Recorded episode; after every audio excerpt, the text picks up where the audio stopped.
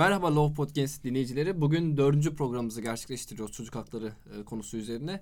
Önceki programımızda, üçüncü bölümümüzde anne babaların sosyal medya paylaşımları üzerine Can arkadaşımız, Can Avukat Can Yavuz'la e, bir konuşma gerçekleştirmiştik. Her ne kadar önceki program Can'ı tanıdıksak bile bu program tekrardan tanımak istiyoruz açıkçası. Merhabalar Fırat, davet için teşekkürler. Adım Can Yavuz, İstanbul Barış Çocuk Hakları Merkezi üyesiyim zaten biliyorsun. Aynı zamanda da doktor öğrencisiyim. İlgi alanı, alanlarım İnsan hakları, çocuk hukuku ve teknoloji hukuku sanıyorum bugün bahsedeceğimiz konularda zaten bu üçünün bir çakışma noktası oluyor. Evet. Önceki program anne babalar üzerine bir konuşma gerçekleştirmiştik. Bu programda aslında iki konuyu birden ele almak istiyoruz. Ee, yine sosyal medya, yine geniş bir mecra ve bu noktada şöyle çocuk hakları savunucularının yani sosyal medya kullanımları üzerine bununla beraber basın mensuplarının ve basının işte çocuk haberciliği yaptığı sırada kullandığı dil üzerine bir konuşma gerçekleştireceğiz seninle. Öncelikle şöyle yapalım.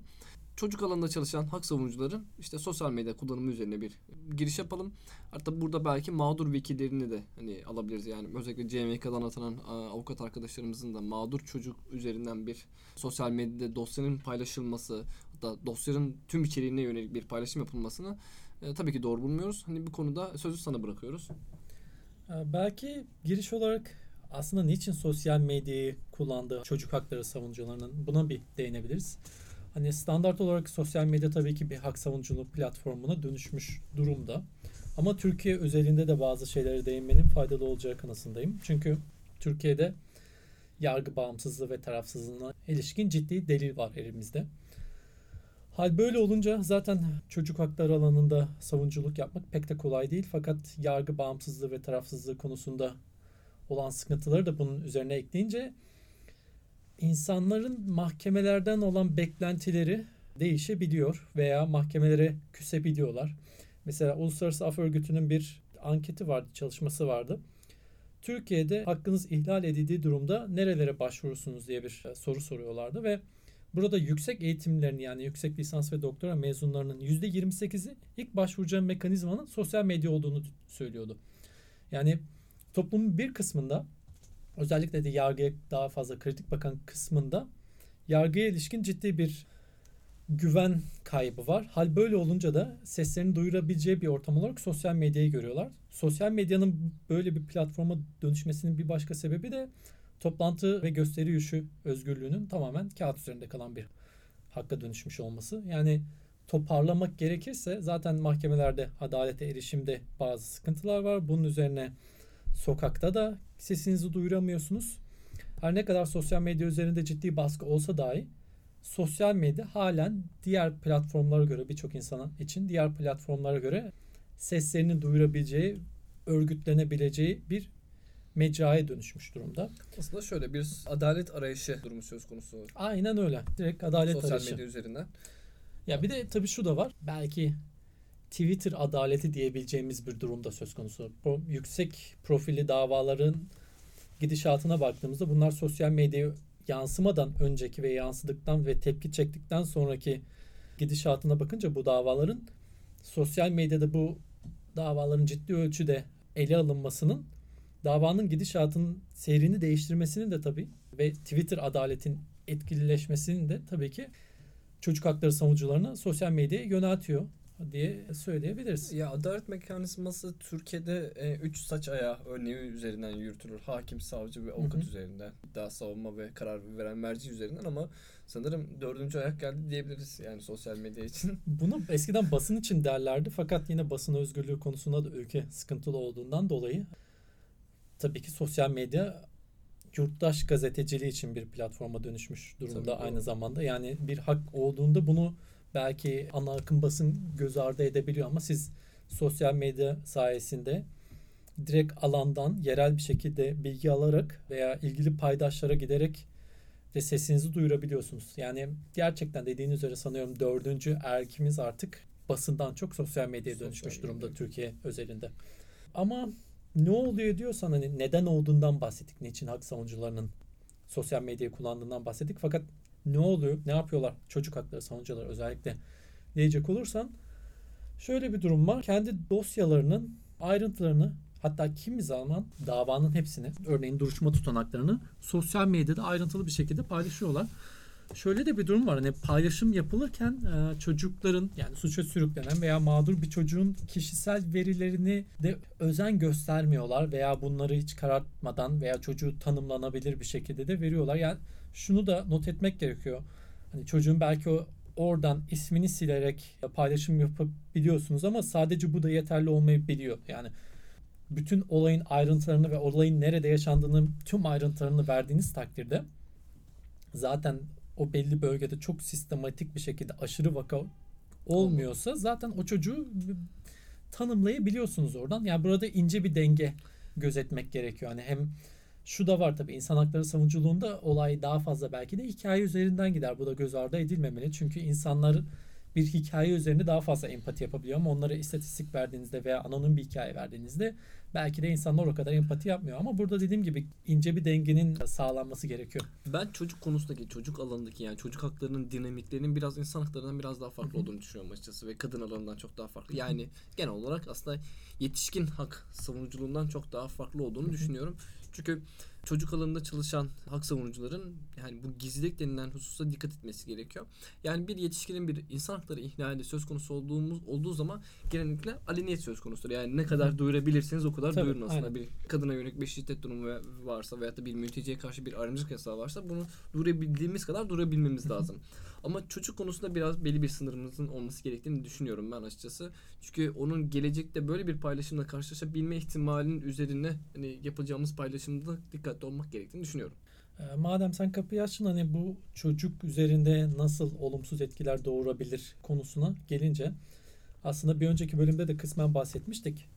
Bir çocuğun mağdur olarak sosyal medyada mağdur veya suça sürüklenen olarak paylaşılması bu çocuğun damgalanmasına sebebiyet verebiliyor. Bu çocuk da damgalanınca bu suça sürüklenen veya mağdur olan çocuk akranları tarafından dışlanabiliyor. Bunun da sebebi çocuğun akranlarının damgalanmış bir çocuk ile ilişkilendirmesi sonucu yani kendisi damgalanmış bir çocukla ilişkilendirilirse çocuk itibarını zedeleneceğini düşünüyor. Bu yüzden de damgalanmış olan mağdur veya suça sürüklenen çocuktan kendisini izole ediyor. Bütün izole. akranları böyle yapınca da çocuk tabii ki okulda asosyal bir noktaya e, gidebilir. Aynen. Yani şunu düşünmek gerekiyor aslında. Siz kamuya açık bir paylaşım yapıyorsunuz ve burada e, sesinizi duyurmaya çalışıyorsunuz veya sadece alanda daha duyarlı olan insanlara ulaşmaya çalışıyorsunuz ama ulaşacağınız kesim arasında o çocuğun akranları da var.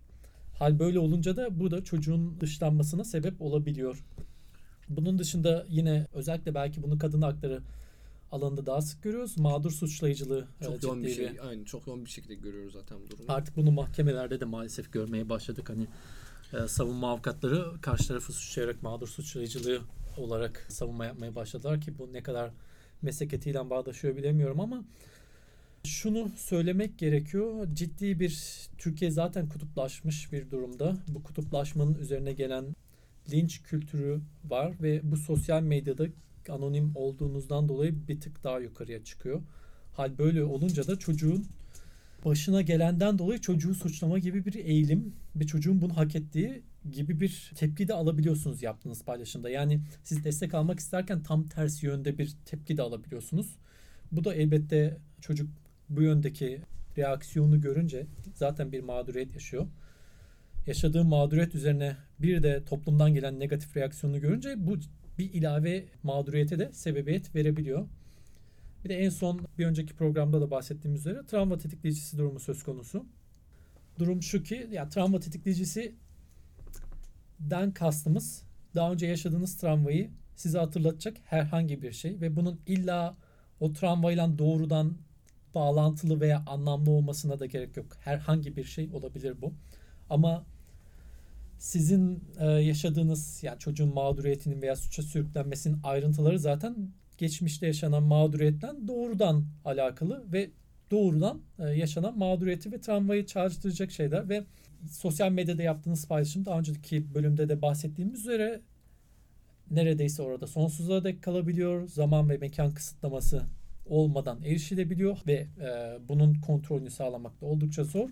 Hal böyle olunca da Çocuk örneğin yaşadığı travmadan sonra iyileşti fakat buna tekrar denk gelirse bu travmayı tekrar yaşayabilir. Bunları göz önünde bulundurarak paylaşım yapmak gerekiyor. Yani bir mağduriyeti giderirken bir başka mağduriyete sebebiyet vermemek veya çocuğun yüksek yararı ilkesini sadece kısa vadeli ve önümüzdeki sorunun çözümünde değil, uzun vadeli ve geniş bir kapsamlı olarak ele almak gerekiyor aslında. Ya özellikle çocuğun üstün yararı kavramını Türkiye'de içselleştirmediğimizi düşünüyorum. Ben genelde duruşmalarda savunma yaptığım sırada yani hem suça sürüklenen çocuklar için hem mağdur çocuklarda bu kavramı bir şekilde mahkeme heyetini söylemeye gerektiğini duyuyorum. Hani bilmeleri gerektiğini düşünüyorum. Yine bu konuda da zaten yine karşımıza çocuğun üstün yararı ilkesi ortaya çıkıyor. Ya bu, bu bizim pusulamız olmalı. Direkt hak savunuculuğunda ilk düşünmemiz gereken şey hani zarar vermemek. Nasıl tamam hak savunuculuğunda bir mağduriyeti gidermeye çalışıyorsunuz ama öncelikle yapmanız gereken ilave bir zarara, ilave bir mağduriyete sebebiyet vermemek ve burada da çocuğun yüksek yararı dediğim gibi bizim pusulamız olabilir ama biraz önce söylediğim üzere uzun vadeli ve geniş bir perspektiften bakarak çocuğun yüksek yararına olayı ele almalıyız. Bu bakımdan çocuk hakları savunucularına özellikle de avukatlara ciddi bir iş düştüğü kanısındayım. Ee, UNICEF'in raporlarında da bu şekilde tespitler vardı. Hak savunuculuğuyla çocuğun yararını dengelememiz gerektiğini düşünüyorum. Tabi diğer yandan da biraz önce ilk başta bahsettik. Bunun altında yatan temel sebeplerin de çözümünün gerekli olduğu fakat bunun çok daha büyük bir resmin parçası olduğunu da unutmamak gerekiyor. Avukatlar konusunda evet yani sana e, katılıyorum. Burada mesela yine dikkate alması gereken husus aslında çocuğun üstün yararı ve bununla beraber aslında gizlilik ilkesi belirttik de zaten mesela diğer alanlardan ayıran en temel özellik bu. Mağdur vekilliği yapan avukat arkadaşlarımızın özellikle çok dikkat etmesi gerekiyor. Yani çok daha ileri giden meslektaşlarımız da var. Yani DM'den mesaj atabilirsiniz. Yani size yardımcı olabilirim. Tabii ki yani ücretsiz hukuki yardımda bulunma e, durumlarımız var. Hani bu noktada hak savunucu yapma durumlarımız var ama hani işin teknik boyutunda söyleyeyim. E, yani normal şartlarda Türkiye Barolar Birliği'ne göre ücretsiz hukuki yardımda bulunamazsınız. Yani Aynen. bunu baroya bildirmeniz gerekiyor. Ve aslında ciddi anlamda sıkıntı yaşıyoruz. Yani biz İstanbul Çocuk Hakları Merkezi olarak da zaten mesela dosyaları takip ediyoruz. E, mesela o sırada gündemde mesela sosyal medyada bu kadar çok gündem yapmış veyahut da mesela bu kadar bir, bir anda ilgilenmiş bir popüler avukatın hani duruşmaya gelmediğini görüyorsunuz ve dosyayı takip etmediğini görüyorsunuz. Hani ve bu tamamen yine bir çocuk çocuk kavramının aslında PR çalışması olarak kullanılması. Aynen. Bu noktada o meslektaşlarımıza yani özellikle popüler meslektaşlarımıza çok dikkatli olması gerektiğini söylüyoruz çocuk konusunda. Yani bu noktada tabii ki çocuk hakları merkeziyle iletişime geçmeleri gerektiğini düşünüyorum ben. Şimdi çocuk hakları savunuculuğu noktasında aslında sonuçlarını diğer mesela anne babanın ebeveynin paylaştığı durumlarda hemen hemen sonuçları birbirine benzerlik Benzer. göster Aynen gösteriyor. Öyle. Yani senin bahsettiğin gibi. Yani yüksek ihtimal basının da aynı durum söz konusu olacak. Basında da aynı durum söz konusu. Yani sonuçlar birbirine benzerlik gösteriyor. İstersen basına geçelim. Yani basın mensuplarının özellikle çocuk konusunda, çocuk haberciliği noktasında çocuk dilini e, nasıl kullanıyorlar? Bu noktada belki yani Biyanet örnek verebiliriz. Biyanet bu noktada e, ciddi çalışmalar yapıyor. Mesela bir haberle karşılaştığımı söyleyeyim. Belki bu vaka üzerinden de hareket edebiliriz. Mesela bir istismar dosyasında gazeteciyle görüşüyorum. Gazeteci işte haberin kendisini içeriğini gösteriyor işte bak nasıl hazırladım diye söylüyor. Sordu bana ve haberi hemen hemen incelediğim zaman bir sıkıntı yoktu. Ama mesela aile içinden gelen bir istismar dosyasıydı. Ve şöyle düşünün aile yakının ismi verilmiş. Bu da işte çocuğun mesela eğer bir akrabasıysa aynı soy ismi taşıyorsa yine Aynen. çocuğun tanımlanabilmesine sebep Aynen. oluyor. Yani biraz önce bahsettiğim gibi sadece oradan çocuğun adının ve soyadının kesilip atılması işi çözmüyor. Siz doğrudan ya da dolaylı olarak çocuğu tanımlayabilecek bir veri veriyorsanız orada aslında bu çocuğun ismini paylaşmaktan çok çok da farklı bir durum değil. Yine bu bakımdan da orada da bir sıkıntı olduğu kanısındayım ben. Peki yani basının çocuk haberciliği noktasında neden bu ilkeleri dikkate almıyorlar veyahut da amaçladıkları şey nedir? Çünkü aslında meslek onların da meslek eğitiminde mesela bu çocuk kavramı geçiyor basın ve gazetecilerin kendi eğitimlerinde. Neden dikkat etmiyorlar? Bu önemli bir husus aslında. Birçok sebebi var bunun. Ee, öncelikle sen iyi uygulama örneğinden nispeten bahsettin ama belki de benim kalkış noktam şu olmalı. Çocuk hakları yeterli ölçüde basında ele alınmıyor o kanısındayım ben. Ele alınanlarda da şöyle bir durum söz konusu. Birkaç farklı sıkıntı var. Örneğin bir e, çocuğun mağduriyetinin bir sansasyonel bir şekilde dile getirilmesi.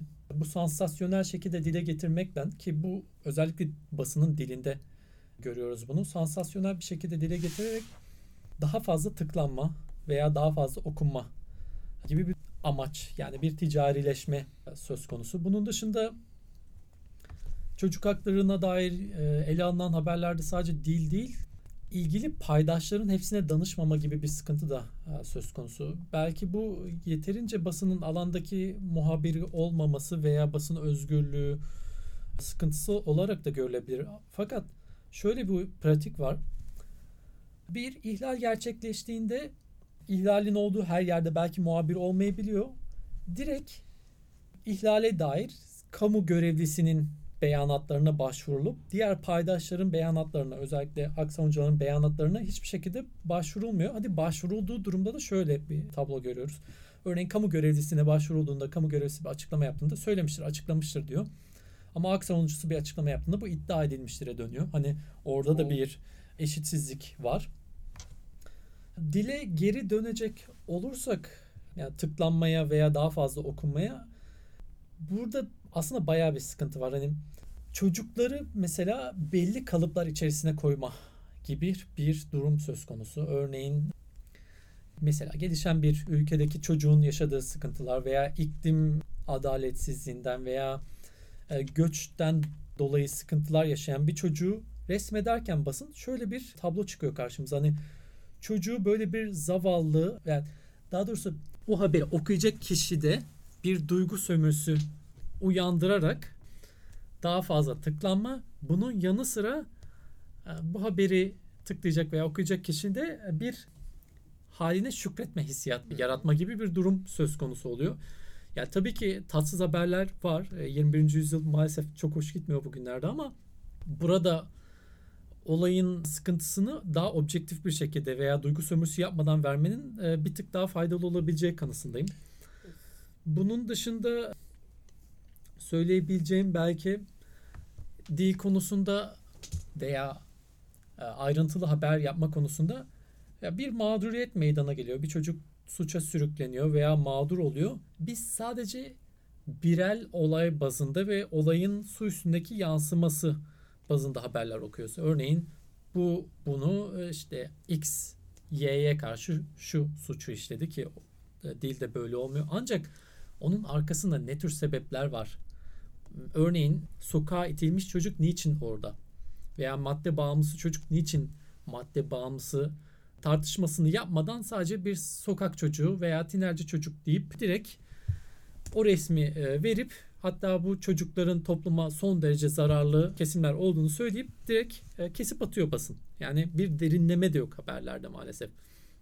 Bunların aslında yani temel olarak sorunu yanıtlamak gerekirse ticarileşme, sansasyonellik ve yeterli çocuk hakları bilgisine sahip olmama, yeterli imkanlar, kaynaklara sahip olmama, yeterli muhabirin olmaması gibi sıkıntılar çıkıyor karşımıza. Aslında şöyle yani mesela hemen girişte şundan bahsettik yani daha çok hani çocukla beraber mesela kadınlarda da aynı durum söz konusu. Hı hı. Yani aslında mağduru daha fazla mağdurlaştırıp Tabii bunun ki. üzerinden bir sansasyonel yaratmak genel olarak yani dezavantajlı grupları işte toplumda daha çok reaksiyon alabileceğini düşündükleri için mesela kadın, çocuk, mülteci bunlar üzerinden daha çok e, haber içeriği yapıyor ve bu konuda herhangi bir yani dikkat ettiği bir durum kriter de yok aslında basın kuruluşunun. Bu da önemli bir durum. Mesela kullanılan fotoğraflar çok etkili, videolar çok etkili. Mesela belki haftada bir bir ana haber bülteninde işte şu şey geçer 12 yaşında işte suç makinesi hani gibi ifadeler veyahut da bir istismar olayı olduğu zaman hemen çocuğun böyle elleri kele yetişkinin eli tarafından tutulmuş. Hani bu tür fotoğrafların kullanılması yine aynı şey geliyor. Yani yine daha fazla mağdurlaştırmak ve bunun üzerinden bir e, reaksiyon almak. Belki şu da var hani maalesef ülkede kadın, çevre veya sokak hayvanlarının hakları konusunda toplumda farklı ya çok daha fazla kutuplaşma var fakat belki bir nebze bir nebze diyorum ona da çocuk hakları konusunda bir nebze belki de duyarlılık daha fazla olduğundan dolayı daha fazla sömürebileceğiniz bir kesim var belki de orada. O yüzden belki çocukların bu negatif imajının özellikle yansıması gibi bir durum söz konusu oluyor. Bir de bunun haricinde sürekli negatif olarak çocukları biz resmediyoruz. Yani iyi bir şey yapıldığında da pek e, çocuklar resmedilmiyor. Belki buna da değinmek lazım. En son biz biraz daha sosyal medya üzerinden gidiyorduk. Sosyal medyaya dair belki de birkaç tespit yapmak gerekebilir. Çünkü sosyal medyanın kendine dair bir karakteristiği var. Örneğin Twitter çok yaygın olarak kullanılıyor. Fakat şöyle bir şey var. Twitter'da 280 karakterde o haberinizi vermeniz gerekiyor. Yani bunu oldukça öz bir şekilde vermeniz gerekiyor. Bunun dışında sosyal medya kullanıcıları gün içerisinde inanılmaz ölçekte bir bilgiye maruz kalıyor. Bir bilgi bombardımanı var ve sizin haberiniz muhtemelen o kişinin sayfasında birkaç saniye gözükecek ve o birkaç saniyede bu kişinin dikkatini çektiniz çekmediniz. Çekmezseniz o kaybolup bir uzay boşluğunda yerini alıyor. Hal böyle olunca burada sansasyonelleştirmeye teşvik ediyor belki de sosyal medyanın karakteristiği bizi. Bunun dışında sosyal medyaya dair yine karakteristik bir özellik şöyle söylenebilir. Çok hızlı basın sürekli zaman baskısı altındadır. Haberi ilk yapan olmak avantajlı olabilir. Ancak sosyal medyada bu zirve bir seviyeye çıkıyor. Örneğin bir deprem oluyor. Deprem olduktan sonra ilk 5 saniye içerisinde insanlar Twitter'a bakıp bunun nerede olduğu, kaç şiddetinde olduğu gibi bir bilgi edinmek istiyor ve bunu belki de ilk paylaşan basın kuruluşun haberi çok daha fazla kişiye ulaşıyor. Böylece anında haberleştirmek gibi bir kaygınız oluyor ve bu sizin çok düşünerek paylaşım yapmanız önünde bir engel teşkil edebiliyor. Belki bir de değinebileceğim sıkıntı şu. Ülkedeki kutuplaşma sosyal medyada en üst seviyede ve anında takipçilerinizden reaksiyon alabiliyorsunuz. Böylece siz biraz daha takipçilerinize yönelik paylaşımlar yapmak durumunda kalıyorsunuz. Çünkü yapmazsanız direkt sizi bir saniyede takipten çıkarabiliyorlar. Tüm bunları düşündüğümüzde zaten basının sıkıntılı olan dilinin sosyal medyada paylaşıma dönüşmesinde daha ciddi sıkıntılar karşımıza çıkıyor. Ki daha önce de bahsettiğim üzere sosyal medyada düşünce kontrol edememe veya onun sürekli orada kalması gibi sıkıntılar da var. Kesinlikle. Aslında buradaki e, basının bir şekilde o haberi hızlı bir şekilde servis etmesi onların tabiriyle sanırım çocuk konusundaki çocuk habercilik konusunda e, onları engellediğini düşünüyoruz ama bu hiç yani açıkçası etik bir durum değil. Yani her ne kadar hızlı servis etsek bile çocuk haberciliği konusunda yine dediğimiz gibi çocuğun üstün yararı ilkesi göz önünde bulundurularak bu şekilde hareket edilmesi gerekiyor. Aslında bazı gazetelerde ve e, şeylerde mesela sahada çalışan muhabirlerde uzmanlaşma durumu söz konusu. Yani biz avukatlarda olduğu gibi. Mesela çocuk haberciliği yapan birkaç gazeteci arkadaş tanıyorum falan. Hani gayet de iyi yapıyor. Bu konuda dikkat ediyorlar. Fakat tüm basında böyle bir durum söz konusu değil yani. Bu noktada senin söylediklerine katılıyoruz. Tabii ki yine sonuçlar çocuklar üzerindeki sonuçları diğer iki konuda da aynı yani programı kapatmadan önce sana son bir kez söz hakkı veriyorum. Sence bu konuda basının nasıl bir paylaşım durumu söz konusu olabilir veya da neler yapmaları gerekiyor konusunda? Ya belki basın konusunda diğer iki konudan farklı olan şey şu. Şimdi bir olay yaşanıyor. Basın bu olayı haberleştiriyor fakat haberleştirirken tüm unsurlarını yani yüzde yüz olarak olayı kavrayarak haberleştiremiyor. Yani oradan kendine göre bir sonuç çıkarak bir hikaye yazarak haberleştiriyor durumu. Fakat bu yapılan kurgu bir süre sonra gerçeğe dönüşüyor. Yani basın toplum üzerinde ciddi bir etkisi var. Hal böyle olunca da insan hakları ve çocuk hakları konusunda basın duyarlılık göstermediği takdirde toplumun bu konuya dair duyarlılık göstermesi de bir tık zorlaşıyor veya duyarsızlık norm haline geliyor.